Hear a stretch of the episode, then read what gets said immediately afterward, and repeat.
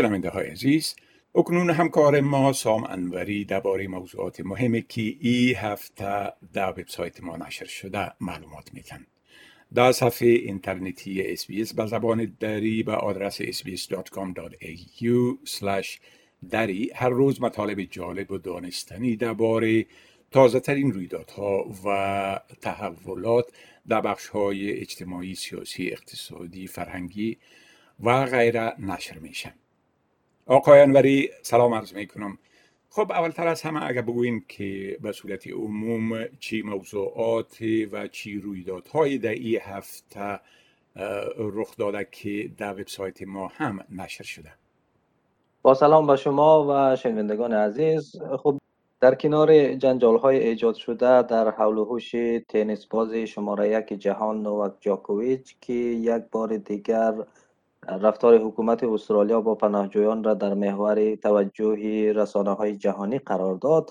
این هفته باز هم ویروس کرونا بود که همچنان سرخط خبرهای استرالیا را به خود اختصاص داده بود. در آغاز هفته همزمان با آغاز کارزار واکسیناسیون کودکان 5 تا 11 ساله خبر ابتلای فرماندار کل استرالیا دیوید هرلی پخش شد. کمبود بسته های آزمایش سره کووید 19 و تاخیر در دریافت نتیجه آزمایش پی سی آر. مشکل عمده دیگر است که هنوز همچنان حل نشده باقی مانده؟ از رویدادهای مهم دیگری بود که گزارشدهی نتیجه آزمایش خانگی در نیوساوت ولز اجباری اعلام شد. همچنین آمار مبتلایان و قربانیان کرونا این هفته در نیوساوت ولز چند بار رکوردهای قبلی را شکست. حکومت فدرال و کابینه ملی هفته تلاش کردند که اقدامات را برای رفع مشکل کمبود کارگر و فشار بر زنجیره تأمین کشور روی دست بگیرند. در همین راستا وزیران حکومت فدرال چندین دیدار را با نمایندگان گروه های صنعتی داشتند و دانشجویان بین المللی اجازه کار بیشتر داده شد و همچنین کارگران سکتورهای حمل و نقل، باربری و تدارکات در جمله کارگران ضروری اضافه شدند. علاوه بر این مطالب داشتیم در مورد اینکه چطور می توانیم نتیجه مثبت آزمایش خانگی خود را در حکومت ایالتی خود ثبت کنیم یا گزارش بدیم و همچنین چگونه می‌تونیم به پرداختی مرخصی همگیری یا Pandemic Leave Disaster Payment حکومت فدرال دسترسی حاصل کنیم جدا از کرونا دیدبان حقوق بشر با نشر یک گزارش سالانه گفت که سابقه حقوق بشری استرالیا در نتیجه رفتار کشور با پناهندگان و بومیان خدشدار شده است و علاوه بر اینها مطالب دیگری داشتیم که شنوندگان عزیز ما می‌تونن اونا را در وبسایت ما دنبال کنند بله خب از واکسیناسیون اطفال 5 تا 11 ساله گفتین میشه که در این مورد یک مقدار توضیحات بتین بله کارزار واکسیناسیون اطفال 5 تا 11 ساله روز دوشنبه تاریخ 10 جنوری آغاز شد. در حال حاضر تنها واکسینی که به اطفال تزریق میشه واکسین فایزر است. نسخه کودک واکسین فایزر در ماه دسامبر از سوی اداره محصولات درمانی استرالیا یا TGA تایید شد و سپس توسط گروه مشاوره فنی استرالیا در زمینه ایمنسازی یا اتاگی هم توصیه گردید.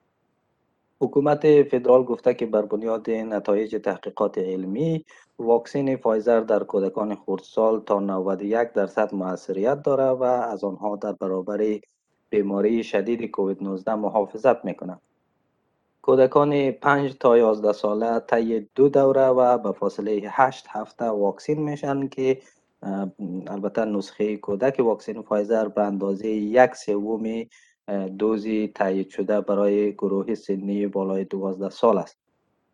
واکسین فایزر کودکان از طریق کلینیک های عمومی دواخانه ها و کلینیک های واکسیناسیون تحت اداره حکومت ایالتی قابل دسترس است و همچنین برخی ایالت ها از جمله ویکتوریا قصد دارند که با ایجاد کلینیک های سیار واکسیناسیون در مکاتب ابتدایی به این روند سرعت بیشتر بدهند بله خب شما همچنان از گزارش درباره اجباری شدن گزارش دادن یا راپور دادن آزمایش سریع خانوادگی در ایالت نیو ساوت ویلز. یادآوری کردین.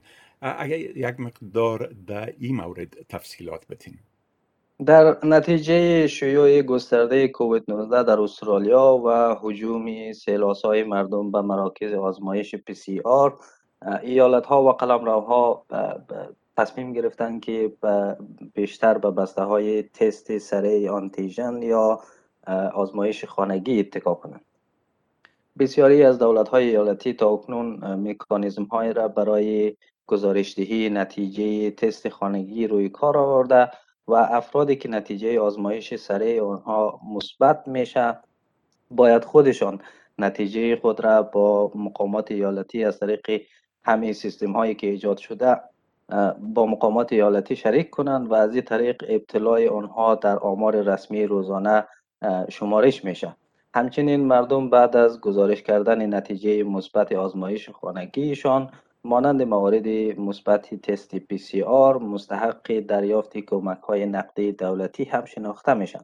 ایالت نیو از روز چهارشنبه 12 جنوری این سیستم را ایجاد کرد و گزارشدهی نتیجه مثبت آزمایش خانگی را اجباری اعلام کرد و گفت که کسانی که از این دستور سرپیچی کنند با یک هزار دلار جریمه نقدی مجازات خواهند شد. البته قابل ذکر است که گزارشدهی نتایج مثبت آزمایش سره انتیجن از روز چهارشنبه اجباری شد اما جریمه نقدی از تاریخ 19 جنوری قابل اجرا خواهد شد. بله خب آقای انوری از این معلوماتتان بسیار تشکر و فعلا شما را به خدا می سپارم روز و آخر هفته تان خوش. تشکر از شما خدا نگهدار.